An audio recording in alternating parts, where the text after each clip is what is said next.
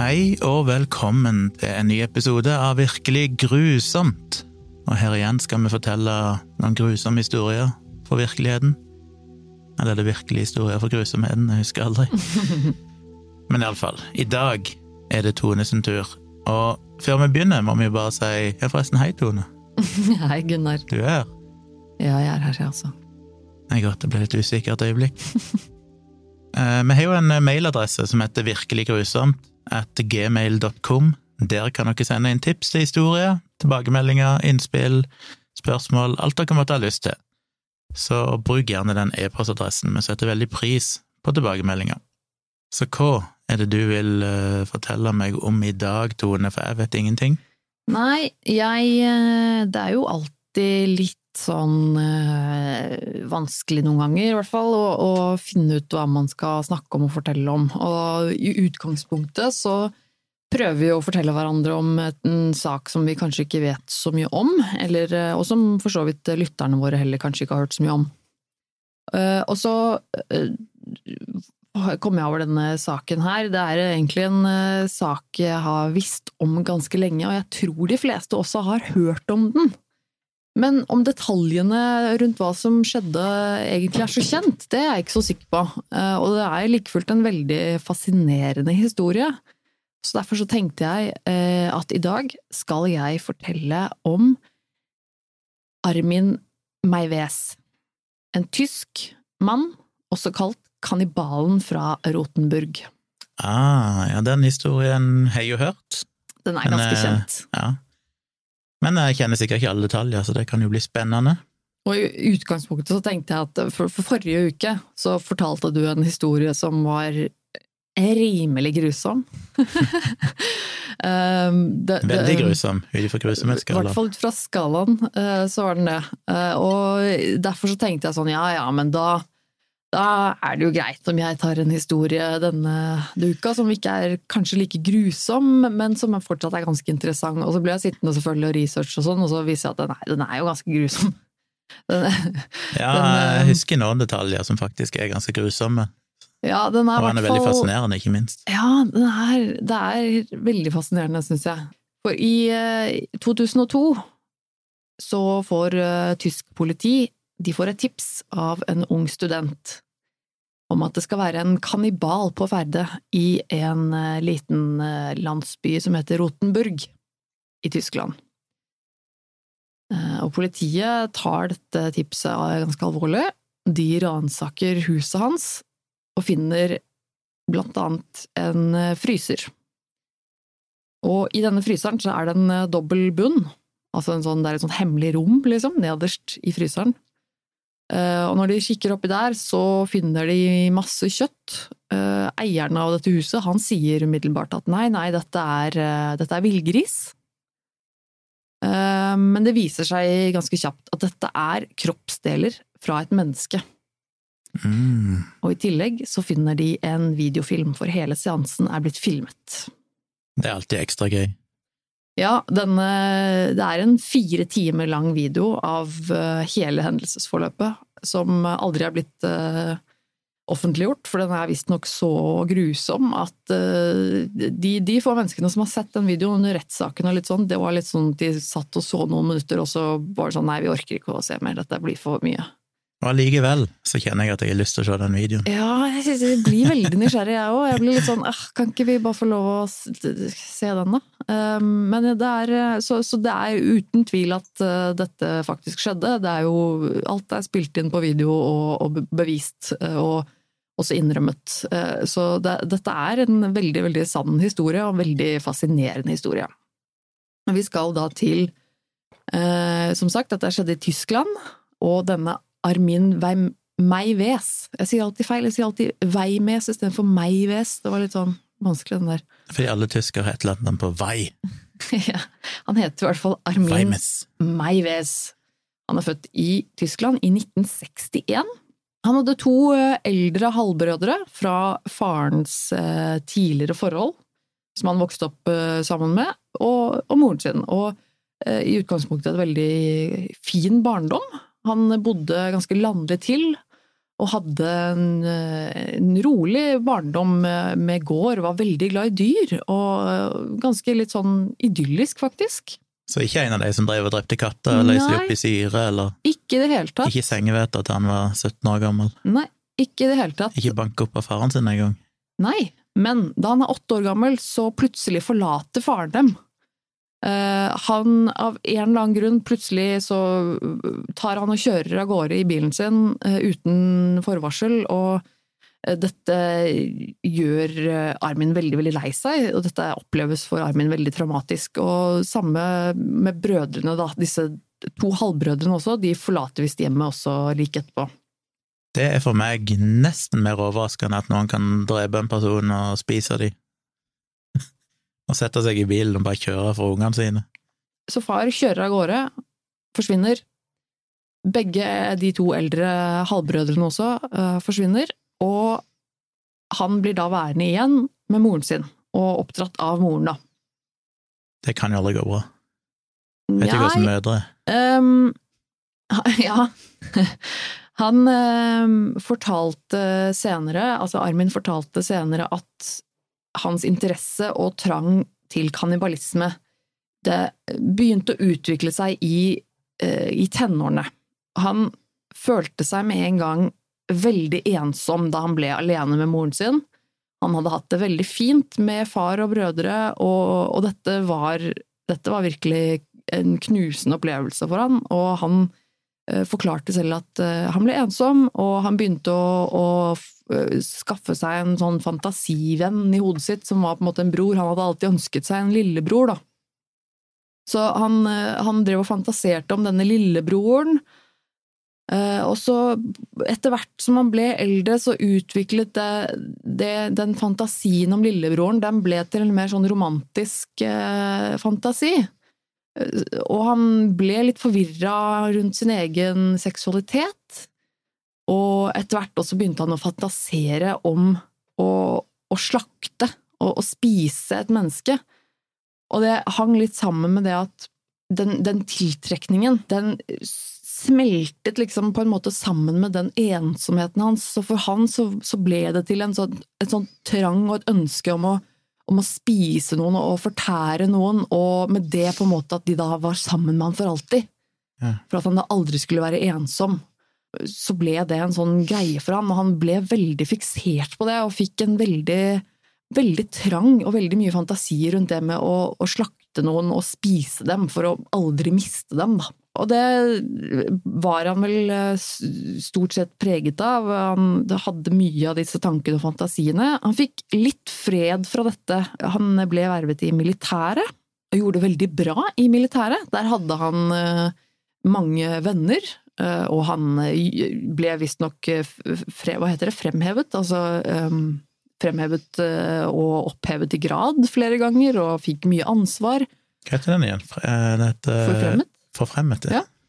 Eh, og folk sier at de likte ham veldig godt. Kollegene hans, eller eh, bataljonen, troppen, jeg vet ikke hva man kaller det. Eh, de likte han i hvert fall veldig godt, og han opplevde det som et veldig sånn godt kameratskap, og, og, fikk, og forklarte det selv som at han fikk litt fred fra alle disse fantasiene og den ensomhetsfølelsen da, mens han var i militæret. Så jeg tror nok det, det var sikkert godt for han. Han fikk eh, liksom rømt litt fra de eh, påtrengende følelsene og, og tankene da, som var litt forstyrrende eh, mens han var der. Så han fikk være der i militæret i tolv år, men senere så flyttet han da hjem igjen til moren sin, for hun, hun var ganske syk. Hun hadde visst vært i en bilulykke og hadde ikke blitt helt bra igjen etter det. og litt sånn. Så hun var litt pleietrengende, så han flyttet hjem igjen til moren sin da, og bodde sammen med henne til hun døde. Eh, hvor han da var veldig, veldig grei med henne, tydeligvis. For, og han og andre har beskrevet at hun, moren var veldig krevende. At hun var veldig masete og krevende og skulle ha han til å gjøre alt mulig hele tiden. At det hun sa, det måtte han følge, og det måtte han gjøre. Og at han holdt jeg på å si slave, da, kanskje litt å ta i, men at han, at han ble veldig At hun var veldig avhengig av han til å hjelpe ham med alt mulig og gjøre ting for han hele tiden. Så, og dette opplevde han nok som eh, ganske slitsomt. Eh, Etter hvert så dør hun av eh, hjerteinfarkt, og da sier Armin om dette etterpå at det var på en måte litt lettende at moren hans døde. Fordi at hun hadde vært såpass krevende, da. Mm. Uh, og, og, det kan man jo forstå, men på en annen side så, så, gjorde det at han da ble alene igjen. Og plutselig så fikk han veldig mye tid for seg selv, da. Og kanskje litt for mye tid til å tenke, og ja. Uh, så Lediggang er roten til alt ondt. Ja, og det kan nok vise seg, i hvert fall så er det etter at moren hans dør, så Eh, begynner å, å plukke seg opp igjen, disse vanene hans med å, å fantasere, og han begynner å, å, henge seg litt opp i de, de gamle fetisjene og, og, fantasiene sine. Han er uh, veldig mye på internett. Han jobber med PC-er. Han er en sånn uh, Hva kalte de det? Han er vel en ingeniør, en PC-tekniker, så han driver og reparerer PC-er og sånn. Det er det som han, han jobber med, da. Så han, eh, han er mye på, på, internett, har mye liksom, PC og teknologi hjemme og sånn, eh, og finner jo fort andre mennesker eh, på internett, som man gjerne gjør hvis man leter. Og han finner foraer på internett med mennesker som har litt de samme greiene som han. Da. Finner plutselig ut at jøss, på internett, her er det mange folk som har de samme tankene og fantasiene som meg. Eh, hvor han da treffer og snakker med mange andre som også har fetisjer og, eller parafilier eh, om eh, kannibalisme og, og, lemlestelse og ja, litt sånne spesielle ting, da. Som jo han føler at er veldig fint. Han får jo selvfølgelig litt sånn tilhørighet, da, her på nettet, og, og finner, seg, finner ut at han kanskje ikke føler seg så alene lenger. Men det er jo alltid litt skummelt med de greiene der. Når du begynner å dykke litt for langt ned i litt sånne type miljøer som kanskje ikke er så sunt, så eh, kan jo fort en viss oppførsel eskalere eh, til eh, litt usunne. Man kan jo ofte bli litt sånn besatt. Jeg tror nok kanskje det var litt av det som skjedde med Armin.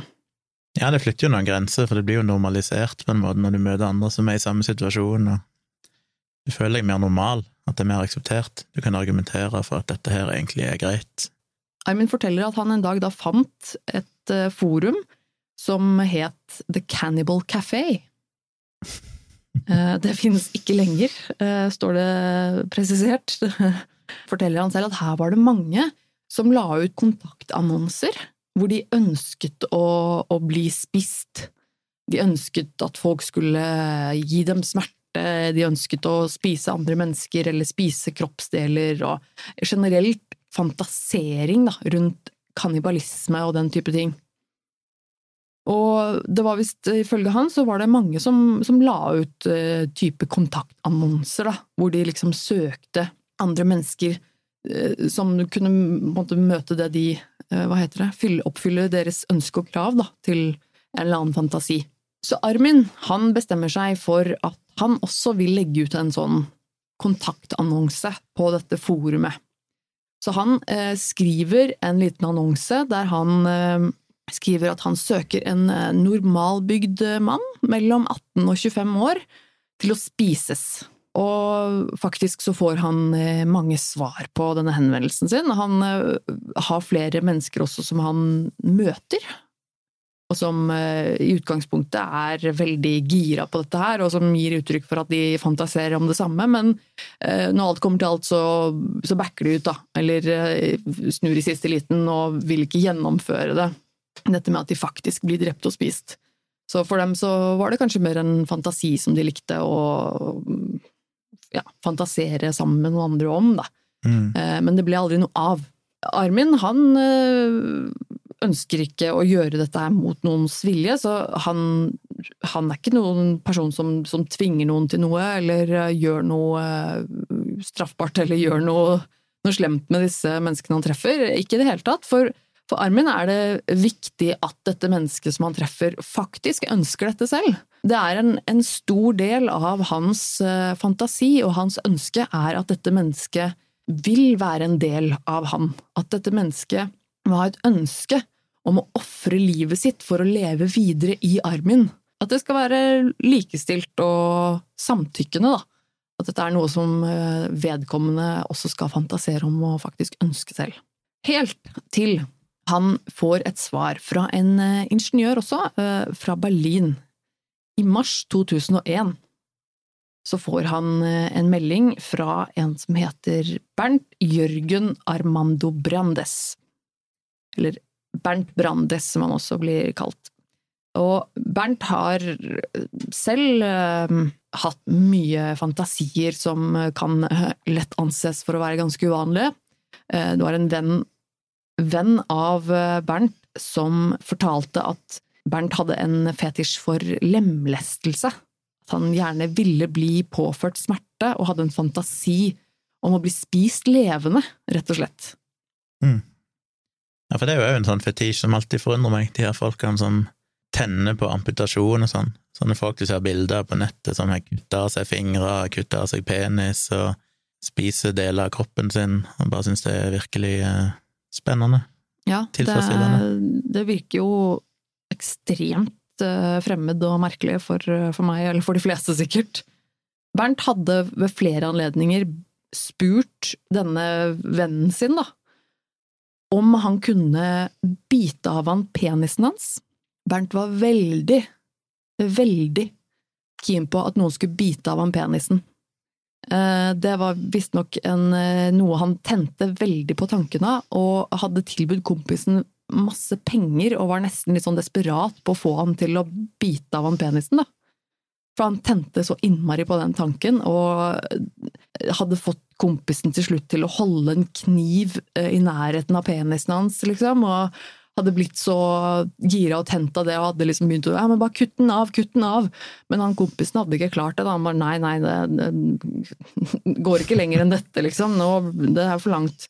Men, så det hadde visst vært en, en veldig sånn besettelse av han Bernt. eh, Å bli spist levende, og tydeligvis spesielt da å få bitt av seg penis. Veldig spesielt. Jeg mener, hvis det er opphissende for han, så er jo det en bortkasta ereksjon. det kan du si. ja, ja, det er jo litt sånn rart, men ja. ja. Det er rart på så mange måter. Men uansett, eh, så det som, det som skjer, er at eh, ja, så de kommer i kontakt med hverandre, Armin og, og Bernt. Og eh, de snakker mye sammen på nettet, og snakker mye om hva de ønsker at skal skje, og, og fantasier, og hva de, hva de vil av hverandre før de til slutt møtes hjemme hos Armin den 9. mars 2001. Alt sammen blir filmet, så eh, med en gang eh, Bernt kommer hjem til Armin, så sitter de opp et videokamera og begynner å filme. Dette er noe Bernt også ønsker, dette er veldig tydelig et ønske fra, fra begge to, og Bernt sa vel også et eller annet om at han, han For han vil gjerne se det om igjen, han vil gjerne se se at han selv blir spist. Det var også en, en ting han tenkte at det hadde han lyst til. på et eller annet vis. Og det var veldig samtykkende, og begge to ønsket det. Så det første som uh, skjer, er at de, de starter med Bernts ønske. Og han har jo et veldig, som vi har vært inne på, veldig sterkt ønske om å få bite av seg penis. Uh, så han insisterer på at Armin skal bite av han penisen dette er jo Bernts ønske, men Armin tenker at ok, greit, men det var, han, det var en del av avtalen at han ville det, så, så, han prøver det. Armin prøver å bite av penisen til Bernt, men det går visst ikke så bra. De prøver visst iherdig, ganske, ganske lenge, å få det her til. Men, men det er visst ikke så lett å bite av noens penis. Så til slutt så ender det da med at Armin må skjære av penisen med en kniv. De ble enige om ok, greit, du får bruke en kniv. Nedtur. Ja, men jeg tror faktisk det var ganske nedtur. Det, det opplevdes litt sånn på, den, på, på, på dem at de det, For det var et sterkt ønske om at den skulle bites av, liksom. Men det gikk ikke. De gjorde i hvert fall et eh, godt forsøk, tydeligvis. Armin fikk skjært av penisen. Dette er jo dette er Armin som har fortalt senere i flere intervjuer og han får til slutt skåret av penisen. Han sier at det tar et par sekunder med noen liksom kutt frem og tilbake, så får han til slutt skåret av penisen. Hvor da Bernt skriker helt forferdelig og har eh, grusomme smerter i 20-30 sekunder. Blør masse. Eh, men så blir han litt stille. For det går liksom over. smerten går liksom over, og han sier at 'nå har jeg ikke så vondt mer'. Og er nok kanskje litt skuffa over det. Eh, litt av greia til han Bernt er at han ønsker å eh, Det er litt beskrevet som at han nok, han, han ønsker å oppleve en så sterk smerte at han dør. Han vil liksom dø i smerte, og mens han blir eh, spist levende, på en måte. Det er liksom hans ønske. Så det er nesten så han, nesten så han blir litt skuffa over at smerten går over. Eh, og blir sittende der da etter hvert, og liksom etter et halvt minutts tid, og blør fortsatt ganske mye, men, men har ikke så veldig vondt lenger. Og er litt skuffa over det. Eh, så står det beskrevet, eh, jeg har lest, at han Bernt prøvde visst å, å spise en, en, del av sin egen penis rå. Men det, det gikk ikke, den var altfor alt for tøff og seig å tygge i, så det bare ga de opp. Men Armin fikk beskjed om å skjære den i to så men skjærte den i to, eh, og denne avkappede penisen altså, eh, og, og gikk inn på kjøkkenet. Eh, stekte penisen i salt og pepper i stekepanna med litt hvitløk. Og så prøvde de å spise den igjen etter det, men det var visst ikke helt vellykket. Det, det funka dårlig, og det var visst en stor skuffelse. For lite hvitløk? Ja. Alt funker jo med nok hvitløk. Så det står beskrevet et sted at eh, Armin, det han gjør med denne avkappede penisen til slutt, er at han, han bare kutter den i grove biter og mater den til hunden sin. Men han, han forklarer også at mens dette pågår, så, så, sitter jo Bernt da i dette andre rommet da, og har fått kappet av seg penisen, og han blør selvfølgelig eh, ganske mye. Og fortsetter å blø. Så Armin forteller jo da at mens han er på kjøkkenet og prøver å å steke og tilberede denne penisen, så har han på en måte hele tiden i bakhodet at han må kjappe seg litt. For han sitter jo og, og, blør eh, der ute i, i, det andre rommet, og mister mye blod. Bernt sier etter hvert at han begynner å bli litt kald, så det eh, Armin fyller badekaret sitt med varmt vann, og la Bernt nedi for at han skulle da få ligge der og bli god og varm. Eh, og selv setter han seg eh, på senga si, tror jeg det var, eh, og leser en Star Trek-bok. Og sjekker litt på Bernt litt innimellom. Og Bernt ligger i badekaret i dette varme vannet, fyller på litt varmt vann mer sånn av og til. Og Armin forklarer at han, han har visst ikke så vondt, men han er ganske, han virker ganske glad, fordi der ligger han jo og bader i sitt eget blod, og det synes han egentlig er ganske ålreit. Så det virker som om han har det har det ganske bra, men han er, er visst ikke helt bevisst, selvfølgelig, ikke så veldig rart kanskje. Dette går, pågår en god stund, og han blir liggende i dette badekaret en to, to og en halv time. Og da roper eh, Bernt på Armin, og så sier han at nei, nå vil han opp på badekaret. Eh, og det som skjer da, er at han reiser seg opp fra badekaret, men han er veldig, veldig svak, da. Han er jo sikkert halvdød. Mm. Eh, så han kollapser på, på, gulvet med en gang. Med en gang han reiser seg opp av badekaret, så er han rett ned på gulvet med en gang. Uh, og Armin forteller at han drar han med seg opp på soverommet, legger han i senga, og forteller videre at uh, midt på natten så, så hører Armin at uh, han hører at, han, at, det er noen lyder der oppe, da, og kommer da inn til, til Bernt, hvor han har prøvd å reise seg opp, men kollapset på gulvet. Han har mistet veldig, veldig mye blod og holder på å dø. Og dette skjønner jo Armin. Han er veldig usikker på hva han skal gjøre. Han ber for han. Han ber for Bernt, og kysser han på munnen flere ganger, liksom. Og plukker opp eh, liksom en kniv og, og tenker at han skal drepe Bernt, da. Han er jo bevisstløs men klarer ikke å legge fra seg kniven igjen, og nei, ber litt mer og er veldig usikker, og, og, og sier at han liksom kysser ham på munnen og liksom ber, og etter mye sånn fram og tilbake så sier han at, at, han da til slutt tar kniven, og så skjærer han over halsen på, på Bernt. Og da, etter at han er død, så tar han eh, Bernt, altså kroppen til Bernt, tar han eh, og skjærer fra hverandre. Så han skjærer av ham hodet, henger han opp på en en kjøttkrok i taket og eh, slakter han. Tar ut alle innvollene hans og vasker, vasker kroppen og deler den opp i mange biter. Og eh, fryser ned eh, delene. Nå er jo på en måte hans fantasi i gang, på en måte. Altså, hans fantasi om å fortære et menneske er jo det, det er jo det neste, på en måte. Så nå, nå kommer jo liksom hans del av det han alltid har drømt om. Han forteller da at han, han tar eh, et stykke kjøtt av kroppen til Armin. Han tar et, et, stykke av ryggen hans og steker det og lager seg poteter og grønnsaker og tar frem sitt fineste servise og setter seg ned og, og spiser dette måltidet. Og han, sa, han forklarer selv at det, det var et veldig spesielt øyeblikk da han tar den første biten av eh, Bernt, da, han føler at nå er det, det er det han har drømt om i liksom hele livet, 30-40 år. Nå, det, nå, skjer det, liksom. Det er dette jeg alltid har drømt om, nå, og nå er han Nå blir han liksom en del av meg. Så for han så var det en uh, veldig stor og veldig sånn, sterk opplevelse. Han fryser jo ned uh, kjøttet og fortsetter å spise av Bernt, kroppen hans. Jeg leste at det, han, han spiser i løpet av ti måneder så spiser han 20 kilo av kjøttet til Bernt preparert som en bedre middag, gjerne drukket med vin, liksom.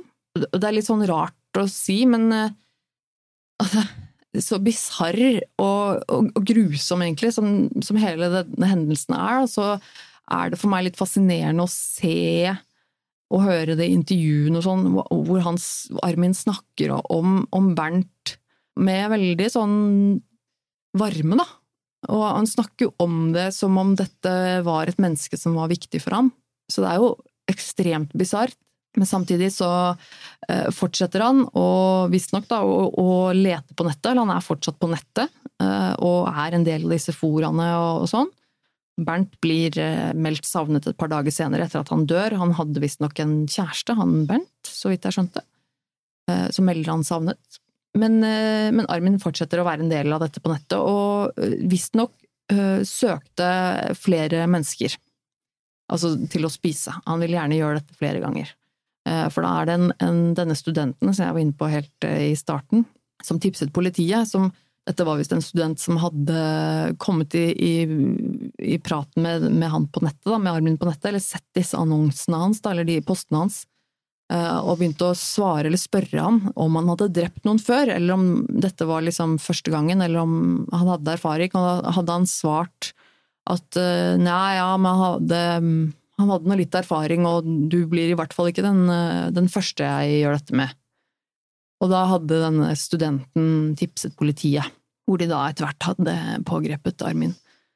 Da, som sagt, så var det jo ikke så vanskelig å finne bevis på alt dette, både videoteip og, og faktiske menneskerester var ikke noe snakk om å nekte for det. Han fortalte jo alt og var åpen om alt, eh, og har sittet, gjennomført flere intervjuer om dette her senere. Han ble dømt uh, i 2004 for uoverlagt drap uh, og åtte år og seks måneder i fengsel. Uh, aktoratet de anket dommen. De mente at han burde dømmes til drap, med tanke på at videoen beviste at han gjorde det ut fra sin egen seksuelle tilfredsstillelse, og ikke at han ble presset til å gjøre det. Og da ble han dømt eh, på nytt til livsvarig fengsel i 2006. Så han, eh, han, lever eh, den dag i dag, og sitter fortsatt innsperret på livstid i Tyskland. Husker du om han erklærte seg Jeg mener husker han erklærte seg ikke skyldig. Det husker jeg faktisk ikke. Innbiller meg Eller jeg vet ikke om jeg leste det, men jeg tror, jeg tror, ikke jeg så noe om akkurat det. Fordi han mente vel at det var en frivillig handling, og ja, det ikke kunne regnes som drap, liksom.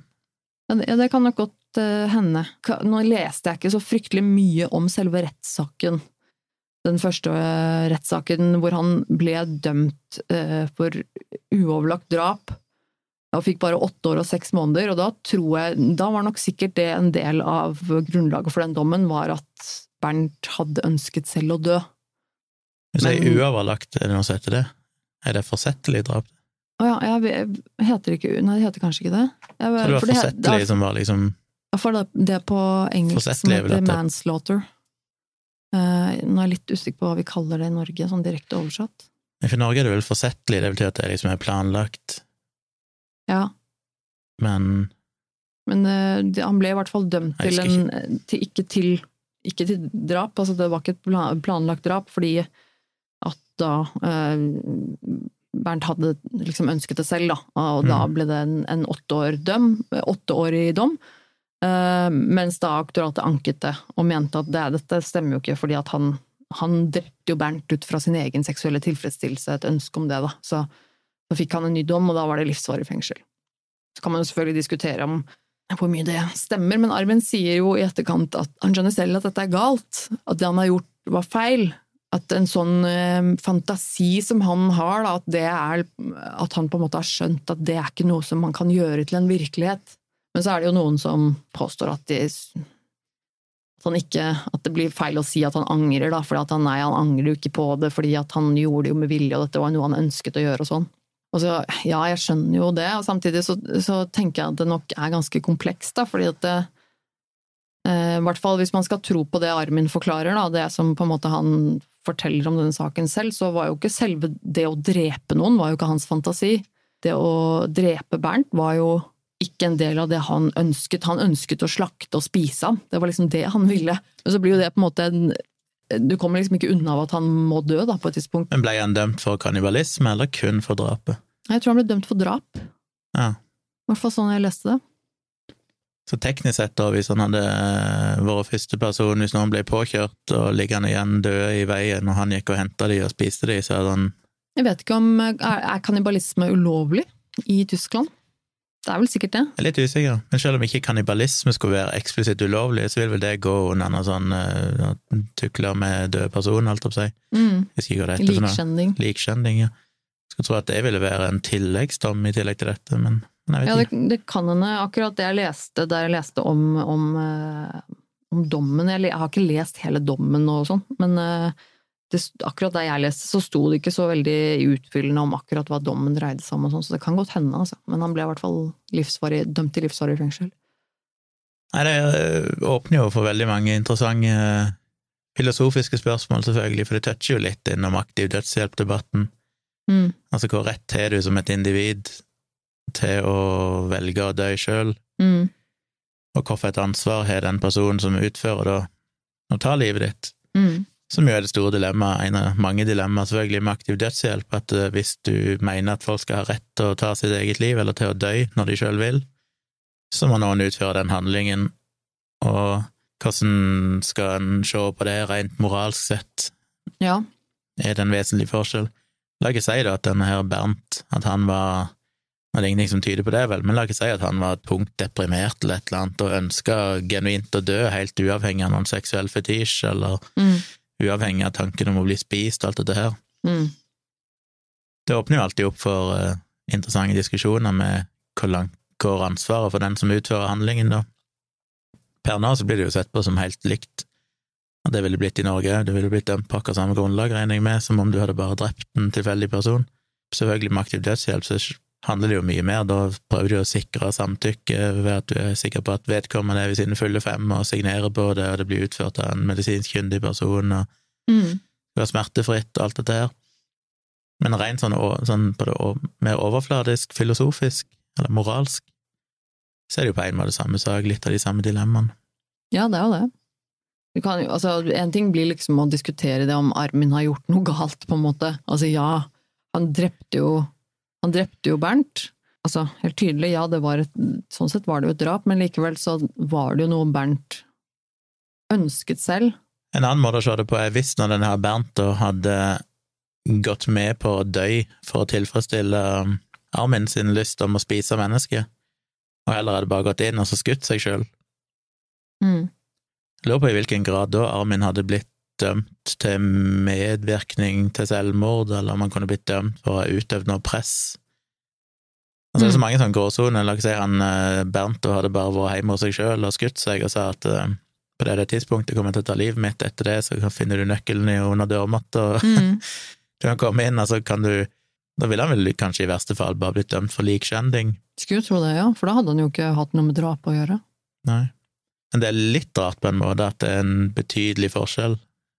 ja. Jeg skjønner det på en måte, selvfølgelig, men om det handler liksom om hvem som holder pistolen, holdt jeg på å si. Mm. Selv om utfallet er det samme, og ønsket ville vært det samme, forutsetningene er egentlig like. Det er bare hvem som trekker i avtrekkeren, som har ganske enorm betydning for utfallet av en dom. Samtidig så tenker jeg jo at en enhver person som har det i seg til å for eksempel bite av penisen til noen, eller bare, ja, selvfølgelig enda lenger tar livet av noen, Mm. Er jo mennesker som sånn teknisk sett jeg eh, tenker er en trussel for samfunnet. Mm. Altså bare det at du faktisk kan utføre den handlingen i seg sjøl, Ja. og har vist at du kan gjøre det, uavhengig av kontekst, gjør at jeg tenker at da vet jeg ikke om en sånn person bør gå fri, Mm. for da vet du aldri hvilken annen situasjon som kan oppstå der de plutselig tenker at terskelen er veldig lav for å ta et liv. Mm.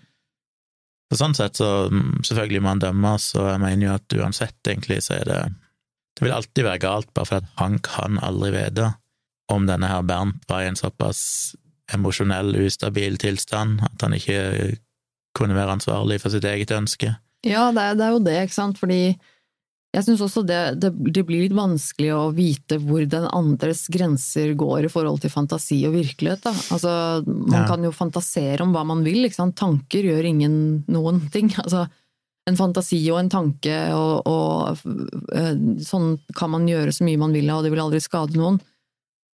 Og man kan jo, jeg tenker at hvis man blir så besatt av en sånn type fantasi, da, at eh, hvis da Bernt på en måte Ja, som du sier, kan, kan, man være sikker på at han egentlig visste hva han ba om? Altså, eller at han var bare slukt opp i en slags fantasi, men en ting er jo å tenke seg den fantasien og fantasere om hvordan det vil bli, men en annen ting er jo når du da faktisk opplever det, og Nei, det, det, er jo, det er jo helt umulig å si, for han kan jo ikke komme tilbake etter at han døde og si om han angrer eller ikke, liksom. Men det, Jeg tenker jeg det må være en sånn enorm både naivitet, men kanskje òg nesten rørende tillit fra Armin sin del, å tenke at han kunne virkelig stole på han her Bernt. At ikke Bernt i det øyeblikket armen viste at han var i ferd med å gjøre det, ville ha liksom sagt fuck you, banka han opp og så gått og, til politiet og sagt at det er en psyko, dere må ja.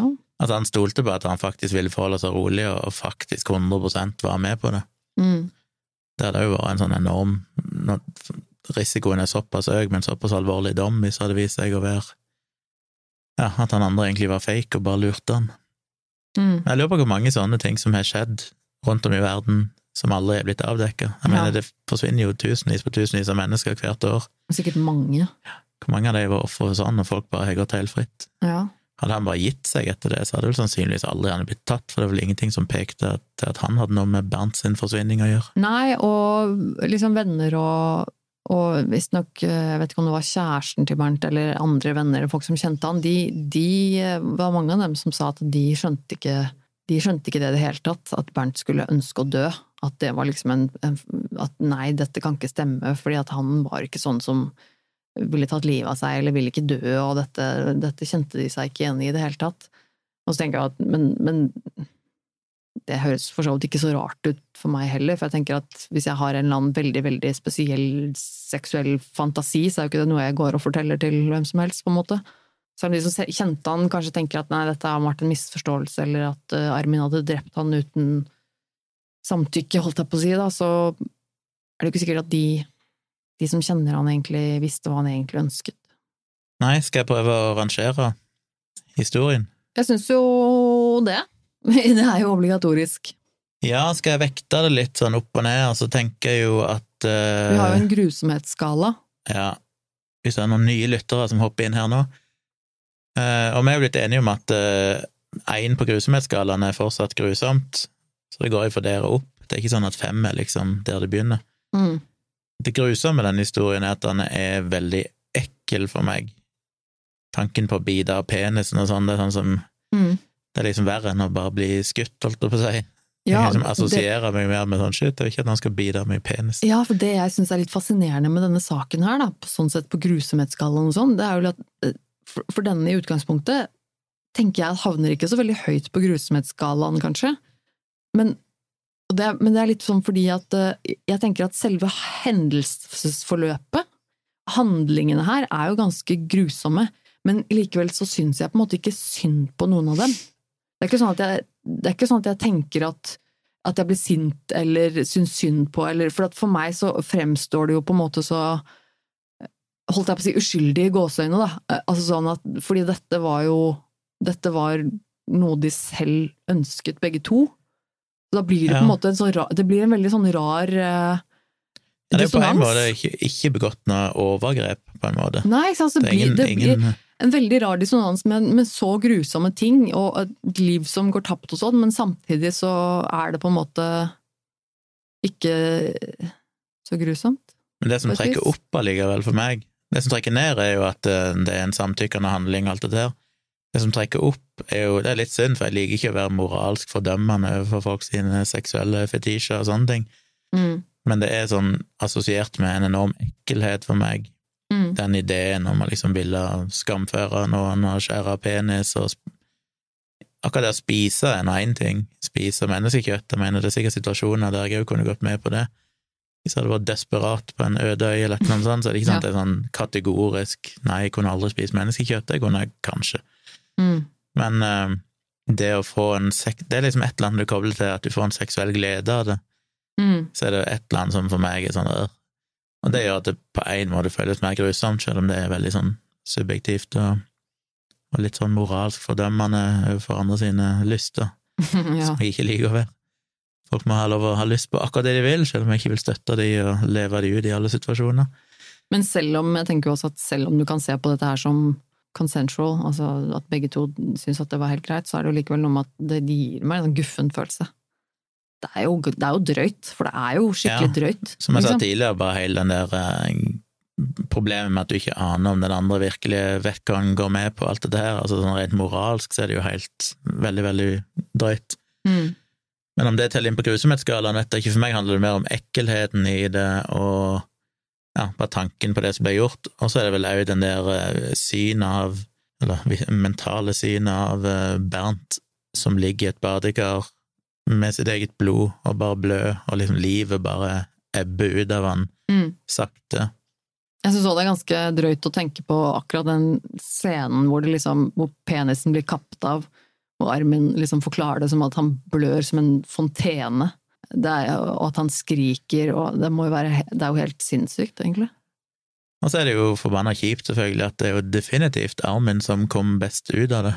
For det virker jo ikke som Bernt egentlig fikk ut av det akkurat det han ønska. Han fikk jo ikke dø i smerte, han fikk ikke den smerten han ville av å få kappa penis, han ble mm. ikke bitt av penisen heller. Mm. Alt feila jo på en måte for han. Ja. Han endte bare opp med å dø, og så fikk han egentlig ikke det han ville. Ja, jeg tenker òg det at jeg nok kanskje øh, syns litt synd på han for det, holdt jeg på å si. At det liksom Det må jo virke så bortkasta, på en måte. Armin kom jo godt ut av det, for han fikk vel stort sett det han ville. Han fikk jo menneskekjøtt og ja. mange måltider over flere måneder. Han fikk ikke oppfylt fantasien sin da, på mange måter.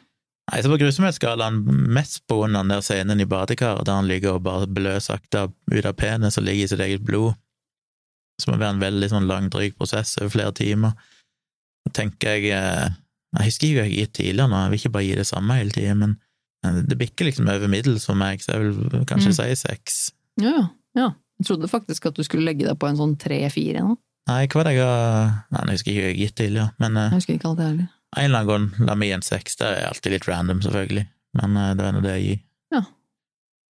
Vil du gi et lavere sjøl?